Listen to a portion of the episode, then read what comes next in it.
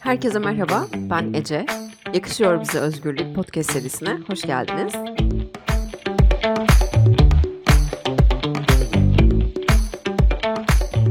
Herkese selam. İkinci bölüm ile karşınızdayım. Bu bölümde diğer tüm alışkanlıkları mümkün kılan, yaşam boyu belki de kendimiz için yapabileceğimiz en büyük yatırım konuşacağız.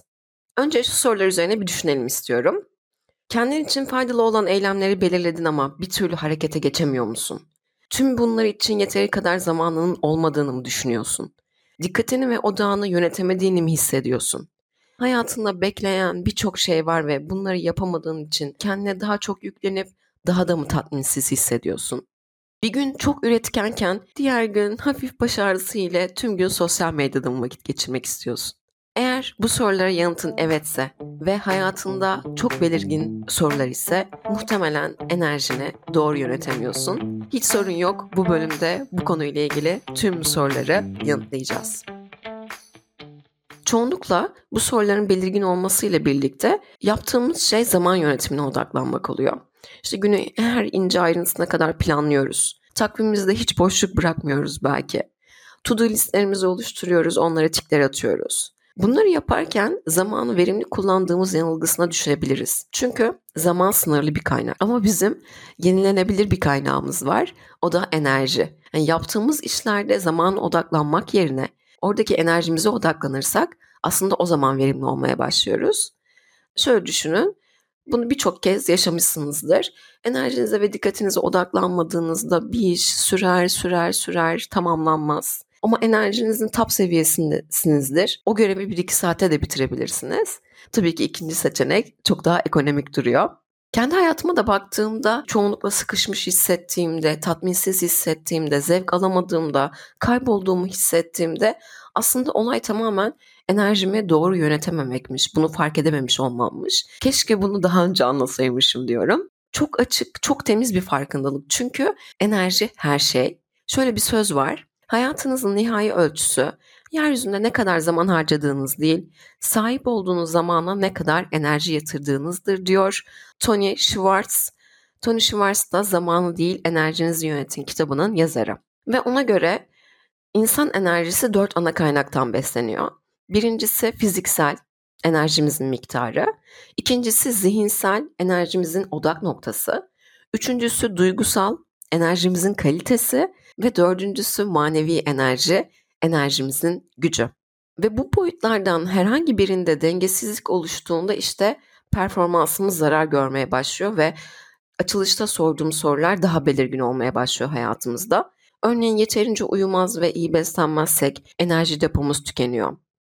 Enerjimiz sürekli olarak tehdit, korku, kaygı gibi duygularla tetikleniyorsa, sürekli olarak dikkatimiz dağılıyorsa veya işimizin amacından yoksun olduğunu hissediyorsak bu sefer de hızlıca tükenmeye başlıyoruz.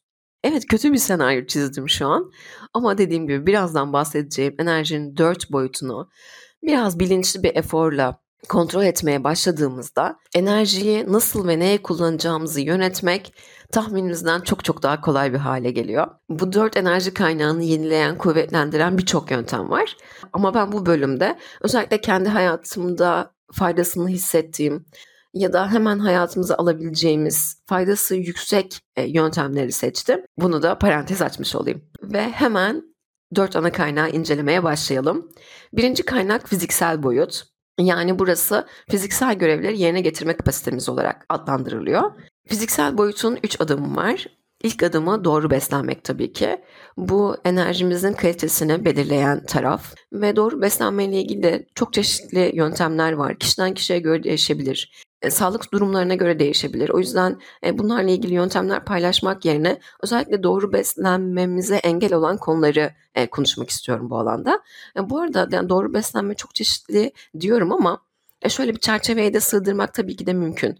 Daha az işlenmiş gıdalar tüketmek, daha fazla yeşillik tüketmek, su hariç her şeyden daha az içmek, suyu daha fazla içmek ve tatsız olan akşam atıştırmalıklarından vazgeçmek tabii ki. E, bence burada işin püf noktası yani doğru beslenme ile ilgili işin püf noktası ya hep ya hiç tuzağına düşüyor olmamız. Yani bir diyet programı yapmaya başlamaya karar veriyoruz. İşte bir şeylerin ters gittiğini hissediyoruz. Hemen kendimize çok sıkı bir diyet programı buluyoruz. Ama buna birden başlamak ve hayatını almak çok mümkün değil.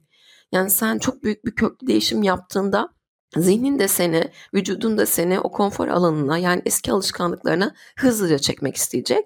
O yüzden hayatında beslenme alışkanlıklarına bir bak. Yani en küçük neyi değiştirebiliyorsun?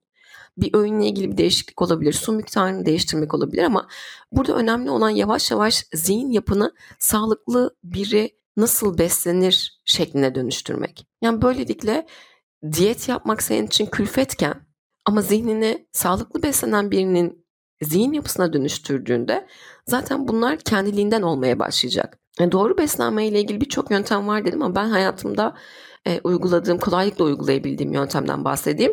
E, o da aralıklı oruç oldu. Neden aralıklı oruç yapıyorum? Çünkü 16 saat aç kaldıktan sonra hem kan şekerim düzenleniyor, hem vücudumda birikmiş zararlı maddelerin e, tüketilmesine olanak tanıyorum.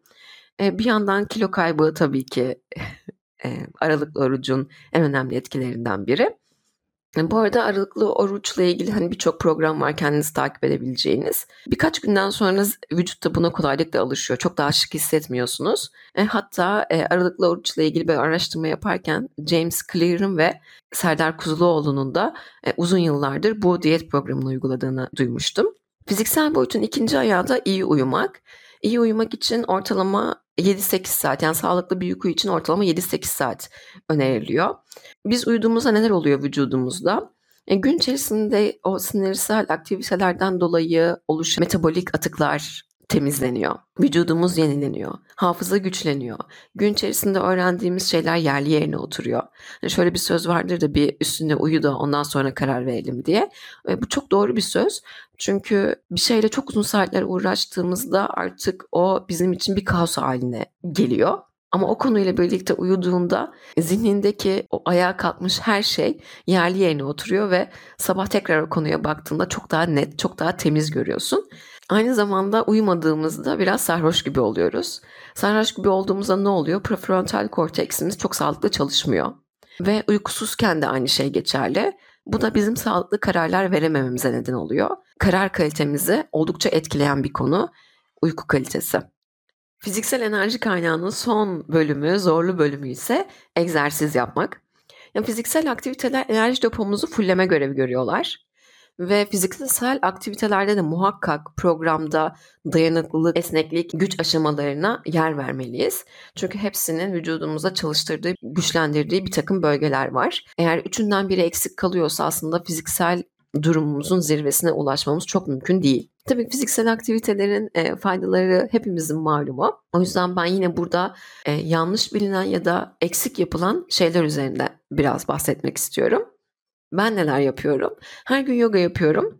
Mümkün olduğunca kış aylarında bu olmuyor ama yazın her gün yürüyüş yapmaya çalışıyorum. Bir yandan da haftada 2-3 kez ağırlıklarla çalışarak kaslarımı kuvvetlendirme çalışmaları yapıyorum. Burada gözlemlediğim bazı şeyler var. Örneğin spor yaparken sadece ağırlık çalışanların olduğunu fark ediyorum ama bunu yaptığımızda aslında bu fiziksel aktivitenin üçte birini tamamlamış oluyoruz. Bana nasıl bir dezavantajı var? Fiziksel aktivitelerin en büyük yararı aslında kalp sağlığını korumak. Kalp sağlığını nasıl koruyoruz? Kalp zaten kendi kendine çalışabilen bir kas değil. Onu geniş kas grupları ile birlikte çalıştırabiliyoruz. Özellikle bacak kaslarıyla yaptığımız işte yürüme, koşma, yüzme, bisiklet gibi aktivitelerle onu harekete geçirebiliyoruz. Burada yapılması gereken bu egzersizleri yaparken kalp atış hızını en az yüze çıkarmak. Çünkü kalp atış hızını yükselteceksin. Kalbini bir zorlayacaksın. Sonra tekrar sakinleyecek. Sonra tekrar yükselteceksin. Kalbin yine bir çok çalışacak sonra tekrar sakinleşecek. Ancak aslında böyle kalbi güçlendirebiliyoruz. O yüzden böyle kendimizi zorlamadığımız, nefes nefese kalmadığımız, acı çekmediğimiz egzersizler aslında istediğimiz hedefe ulaşmayan egzersizler oluyor. Diğer yandan yine fark ettiğim özellikle spor salonunda bazı hareketleri yaparken böyle gözlemliyorum. Yüzünde hiç mimik yok, zorlanma yok. Ama bu yine yaptığımız şeye ters bir şey. Çünkü kas nasıl oluşuyor? Kas liflerini zorluyorsun, zorluyorsun. İşte yanmalar, acılar, burada bağırmalar. O zorlanmayla birlikte kas lifi çatlıyor. Sonra vücudumuz, canım vücudumuz hemen onu onarıyor 48 saat içerisinde. O onarma ile birlikte oradaki kas gücü genişlemiş oluyor. Yani oradaki yaptığımız hareketlerde de zorlanıyor muyuz? Kendimizi zorluyor muyuz? Biraz buna dikkat etmeye ihtiyaç var. Son olarak esneklik. Özellikle benim gibi uzun süreler bilgisayar başında oturuyorsanız sizde de benzer hisler yaşanmış olabilir. İşte boyun ağrıları, sırt ağrıları başlıyor. E, bunun sebebi esneme hareketleri yapmadığımızda eklem hareketlerimizin kapasitesi düşüyor. Katılaşmaya başlıyoruz. Kan dolaşımımız dengelenmiyor ve bunlar vücudumuzda aslında alert durumları. Ben yoga ile birlikte artık esneklik çalışmalarını düzenli bir hale getirebildim. Bu arada yoga benim geç kazandığım ama hiç kaybetmek istemediğim spora dönüştü. Spor yaptıktan sonra kendime inanılmaz bir gevşeme hissediyorum. Bir yandan da Çetin Çetin Taş'ın dediği gibi yani yoga matında yaptığım hareketlerin aslında hayatımda da var olduğunu gözlemliyorum. Yani ne demek istiyorum? Oradaki bir hareketten kaçıyor muyum? Oran, ona direniyor muyum? O bana acı verdiğinde hemen bırakmak mı istiyorum yoksa üzerine mi gidiyorum? Aslında bunlar benim hayatta karşılaştığım diğer durumlara davranışlarımı da belli eden hareketler oluyor. Yani yoga matında neysem hayatımda zihinsel olarak da oyum. Bu, yani yoga ile birlikte irademin de e, gerçekten çok güçlendiğini hissediyorum. Eğer yoga yapacak varsa, aklında olanlar varsa hemen başlayabilir. Fiziksel aktivitelerin enerjimi depolamasının yanında e, benim için e, çok daha can alıcı bir konusu var. Beni motive eden tarafı var. O da şu. Eğer vücudumuza herhangi bir müdahalede bulunmazsak, onu çalıştırmazsak, ona iyi bakmazsak ortalama 40 yaşından sonra yavaş yavaş sağlık anlamında bir çöküş yaşamaya başlıyoruz. Yani o yaşlılık belirtileri artık daha görünür olmaya başlıyor ki bu benim için hassas bir konu. O yüzden can alıcı tarafı burası. Burada yapabileceğimiz en iyi şey 35 yaşında fiziksel kapasitemizin zirve noktasını yaşamak. E, tabii ki de 35'ten 40'tan sonra yapılan her spor bizi iyileştirir, güçlendirir, yeniler. Ama 40 yaşından sonraki o yaşlanma belirtilerini minimuma indirebilmek için üzülerek söylüyorum. 30 yaşından itibaren buradaki fiziksel aktiviteleri hemen hızlandırmaya ihtiyaç var. Çünkü artık biliyoruz ki fiziksel enerji kaynağını beslemediğimizde o da bizi beslemeyecek ve bizi yarı yolda bırakacak. Enerji kaynaklarımızın ikincisi zihinsel boyut ki zihinsel boyut buradaki kaynakların şahı diyebilir miyiz? Belki diyebiliriz. Burası konsantre olma, odaklanma, çalışma, dikkat etme ve e, dinleme gibi diğer yeteneklerimizi kapsayan bölüm. Peki ben neden zihinsel boyutu aslında diğer tüm kaynakların şahı dedim? E, davranış bilimi öncülerinden Kahneman ve diğerlerinin çalışmaları sayesinde biz bilimsel aktivitelerimizin iki sisteme bölünmüş olduğunu biliyoruz. Birinci sistem çok enerji harcamayan, hayatımızın çoğunu yöneten, işte otomatikleşmiş sezgisel tepkiler veren, anlık kararlar üreten taraf. Sistem 2 ise karmaşık bir matematik problemi hesaplamak, kendi kendini kontrol etmek veya zorlu bir fiziksel görevi yerine getirmek gibi odaklanma, müzakere, akıl yürütme veya analiz içeren kasıtlı düşünme türü. Yani bizim en çok enerjiyi harcadığımız yer bu taraf. Ve burada şöyle de bir şey var. Bu alanın bilinçli çaba gerektiren aktiviteleri, işte bilgisi olabilir, duygusu olabilir, fiziksel olabilir. Ortak bir zihinsel enerji havuzundan yararlanıyor. Yani biz ikinci sistemimize çok yüklendiğimizde enerji havuzumuzu tüketmiş oluyoruz. Yani o sabah full olan irade gücü gün boyu odaklandığımızda, önemli kararlar verdiğimizde, hayatımızda gün içerisinde bir şeylere hayır dediğimizde, direndiğimizde tükeniyor, tükeniyor, tükeniyor ve en sonunda biz caydırıcılara çok daha açık hale geliyoruz. Öz denetimimiz zayıflamış oluyor yani. Buna literatürde ego tükenmesi deniyor. Ünlü turp deneyini hatırlayanlar olabilir. İşte deneyde iki grup var. Birinci gruba turp ve enginar veriliyor. Masada çikolata, kurabiye gibi yiyecekler var ve onlara direnmesi isteniyor bu birinci grubun. İkinci grupta çikolata ve kurabiyesini istediği gibi yiyebilir. Onlarda herhangi bir baskı yok. Şimdi bu görev bitiminde bu katılımcılara her iki gruba bilişsel bir görev veriliyor zorlu. Ne oluyor dersiniz? Turp yiyen yani çikolataya direnen grup bu puzzle'ı ortalama 8 dakikada terk ediyorlar. Ama diğer grup ilk aşamada direnmeyen grup onların bu puzzle'la uğraşma süresi ortalama 20 dakikayı bulabiliyor. Yani olay aslında net. Zihinsel enerji depomuz tükendikçe eylemlerimizin kalitesi düşüyor, öz denetimimiz zayıflıyor ve caydırıcılara açık hale geliyoruz. Ve şu anki meşguliyetlerimizde düşündüğümüzde uyanık olduğumuzda sanki her an bir veri bombardımanındayız. Zihnimiz her an bir şeylerle uğraşıyor, düşünüyor, hesaplamalar yapıyor. Eğer zihnimi bir şey düşünmekle meşgul etmiyorsam bu sefer sosyal medya ile meşgul ediyorum. Sürekli oradan da bir, bir şeyler giriyor zihnime. Yani artık zihinlerimiz inanılmaz yorulmaya başladı. Eğer siz de zihninizin yorgun olup olmadığını merak ediyorsanız belki hayatınızda şu işaretlere bakabilirsiniz. Daha da mı endişelenmeye başlıyorsunuz artık son dönemde? Motivasyon ve konsantrasyon eksikliğiniz mi var? Daha da mı fazla öfkelenebiliyorsunuz? Daha hızlı mı tepkiler veriyorsunuz? Fiziksel olarak baş ağrısı, vücut ağrıları, iştah değişikliği mi hissediyorsunuz? Kilo alma verme, e, ya da davranışsal olarak düşük performans mı gösteriyorsunuz son dönemde? Sosyal olarak geri çekildiğiniz mi hissediyorsunuz? Daha fazla mı içinize kapandınız? Ya da verdiğiniz e, sözleri tutamamaya, zamanla ayak uyduramamaya başladınız. Eğer bu işaretleriniz varsa bahsettiğim gibi bir zihinsel bir yorgunluk yaşıyor olabilirsiniz. Ve zihinsel yorgunluk yaşadığınızda diğer tüm eylemleriniz çok hızlı bir şekilde etkilenmeye başlıyor.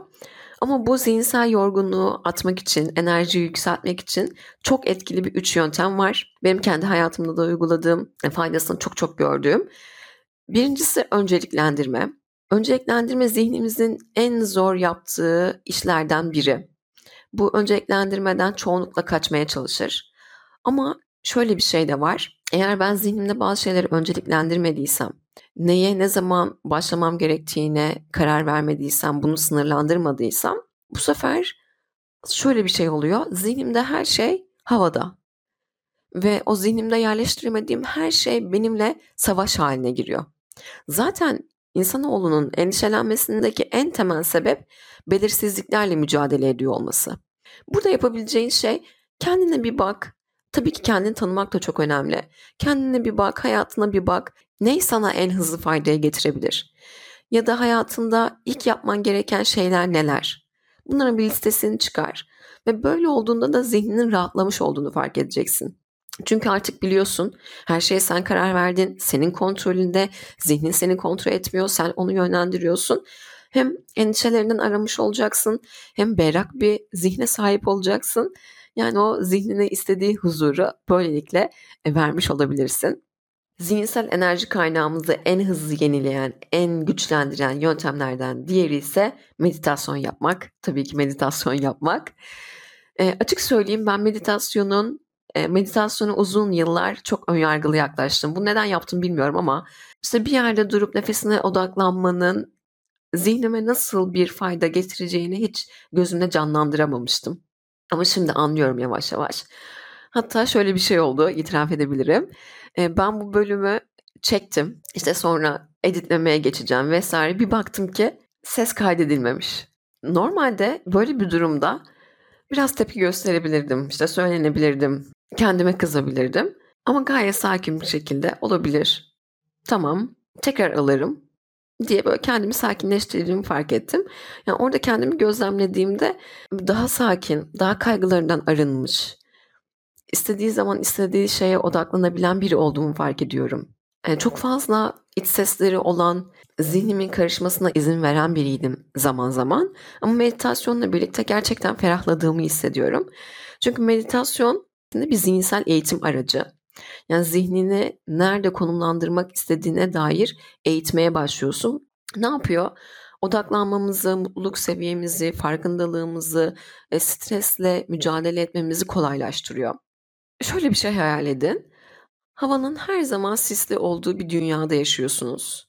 Böyle bir dünyanın nasıl göründüğünü bir gözünüze canlandırmaya çalışın. Net göremiyorsunuz. Sadece önünüzde olanı görebiliyorsunuz. Üstüne üstlük her şeyde gri. İşte meditasyon yapmadığınızda aslında böyle yaşıyorsunuz. İşte o tüm grilikler, dizginleyemediğimiz iç seslerimiz, dağılmış düşüncelerimiz gibi. Ama sisi kaldırdığınızda ve güneş ışığına izin verdiğinizde aniden dünyanızın ne kadar güzel olduğunu görmeye başlıyorsunuz. Ne kadar net, ne kadar basit, İşte meditasyon zihnin en önemli ihtiyaçlarından biri olan dinlenmeyi karşılıyor. Enerji kaynaklarının üçüncüsü duygusal boyutumuz. Burası kendimize ve başkalarına şefkat gösterme yeteneği olarak adlandırılıyor. Ve bu duygusal boyutun kalitesini şöyle ölçümleyebilirsiniz. Gün içerisindeki duygularınız çoğunlukla olumsuz duygular üzerine mi odaklanıyor? Yani tehdit, işte stres duyguları, kaçma dürtüsü, endişeleriniz, korkularınız üzerine mi çoğunlukla yoğunlaşıyorsunuz? Ya da gün içerisindeki duygularınıza baktığınızda olumlu duygular mı deneyimliyorsunuz? İşte zevk alma, meydan okuma, kendini gerçekleştirme ya da memnuniyet gibi duygular üzerine mi yoğunlaşıyorsunuz? Eğer çoğunlukla olumsuz duygular üzerine yoğunlaşıyorsanız o zaman duygusal boyutunuzda bir ciddi bir tehlike var diyebiliriz. E, gün içinde bir takım zorluklarla karşı karşıya kaldıkça olumsuz duygulara, stres tepkilerine kayma eğiliminde oluyoruz. Çünkü zaten negatifler her zaman daha ağır basar. Zihnimiz sürekli böyle negatiflerle ilgilenmek ister. İşte bu zamanlarda duygu tamiri yapamıyorsak, orada kendimizi fark etmediysek sinirli ve sabırsız olmaya başlıyoruz. Endişelerimiz artıyor, güvensizliklerimiz artıyor. Bu halimiz daha da enerjimizi tüketiyor, ilişkilerde sürtüşmeler yaşamaya başlıyoruz. Savaş ya da kaç duyguları beni esir etmeye başlıyor. Açık, yani mantıklı derinlemesine düşünememeye başlıyorum. Yani bu duygusal boyut bana göre en önemli aşamalardan biri. Çünkü hayatımızda birçok engelin buradan kaynaklandığını düşünüyorum. Daha doğrusu kendimize duygusal olarak koyduğumuz engellerden olduğunu düşünüyorum. İşte kendimizi suçlamamız, kendimizi yalnız bırakmamız, kendimize yüklenmemiz, başarısız hissettirmemiz ve bu tarz düşünceler, duygular da çoğu zaman otomatik ve çok hızlı gelişiyor. Burada yapabileceğim şey yavaşlamak ve kendi düşüncelerime daha fazla dikkat etmek. Gün içerisinde ara ara böyle 1-2 dakika nefes araları verip o anki duygularımı bir düşünebilirim, gözden geçirebilirim. Neden bu duyguya odaklandım? Neden bu duygu benim tüm enerjimi emiyor? Bunun altında ne var? Gibi o negatif duyguları ortaya çıkarıp biraz onlarla yüzleşmeye ihtiyacımız var. Ve bu anlarda kendinize yardımcı olması için şu soruları sorabilirsiniz. Durumun olumlu yanlarını düşünüyor muyum? Yine o karamsar halim mi devrede? Yine kendime yüklendiğim halim mi devrede? Kendimi çaresiz bir konumda mı tutuyorum? Kontrolümde olmayan bir şey için mi kendimi suçluyorum?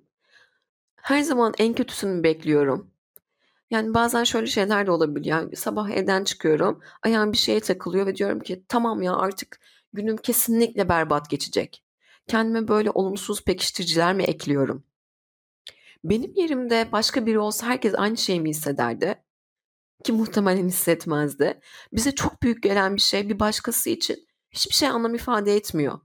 Yine en güzel sorulardan biri bence bu. Beni çok rahatlatan sorulardan biri. Bu duruma baktığımda 6 ay sonra ne hissedeceğim? Bu durum 6 ay sonra ya da işte bir sene sonra benim hayatımda ne kadar yer edecek? Ve yine can alıcı sorulardan biri bence bu. Zaten hayat kalitesini de belirleyen soru bence bu. Bu konunun sonucu ne olursa olsun ben buradan ne öğrendim? Ben burada ne yaşadım? Bir daha bu durum yaşamamak için kendime ne yapabilirim? O konuya eğer öğrenme zihniyetiyle yaklaşıyorsam bu güzel bir şey. Benim refahımı etkileyen şey, beni daha mutlu kılan şey o durumdan öğrenmeye çalışmak. Aksi halde yine kurban pozisyonunda hiçbir şey yapmadan, hiçbir şey etki etmeden kendimi daha da e, tatminsiz hissetmeye devam edebilirim. Ve son olarak manevi boyut. Burası anlam ve amaç duygumuz tarafından besleniyor. Ve manevi enerji aslında hayattaki motivasyon kaynaklarımızı belirliyor.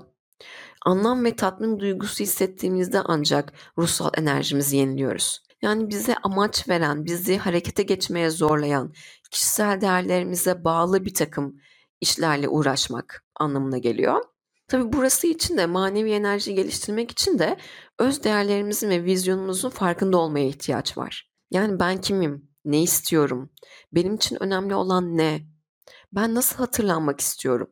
Hangi durumun içerisinde olduğumda kendimi mutsuz hissediyorum? Hangi durumlar benim hayat değerlerimle uyuşmuyor? Çünkü eğer hayat değerlerimize ters bir şeyler içerisindeysek, örneğin kendi hayatımdan örnek vereyim. İlk bölümden hatırlayacağınız gibi e, özgürlük benim temel değerim. Ben bunu biliyorum. Ben yalnızca kendimi özgür hissettiğim yerlerde mutlu olabiliyorum. Bunun farkına vardım. Ama hayatımda bundan sonra buna ters düşen bir davranış gerçekleştirdiğinde belki o an anlık bir tatmin yakalayabilmek için bunu seçtim. Acil bir ihtiyacım vardı bunu seçtim ama işte bu seçimler daha sonrasında benim sırtıma yük olarak binmeye başlıyor. Beni içten içe rahatsız etmeye başlıyor. O yüzden kişisel değerlerimizi çizmek bu aşama için çok çok önemli. Böylelikle hayat amacına uygun işleri belirleyebiliyoruz. Bu bölümde enerjinin dört ana kaynağını konuştuk.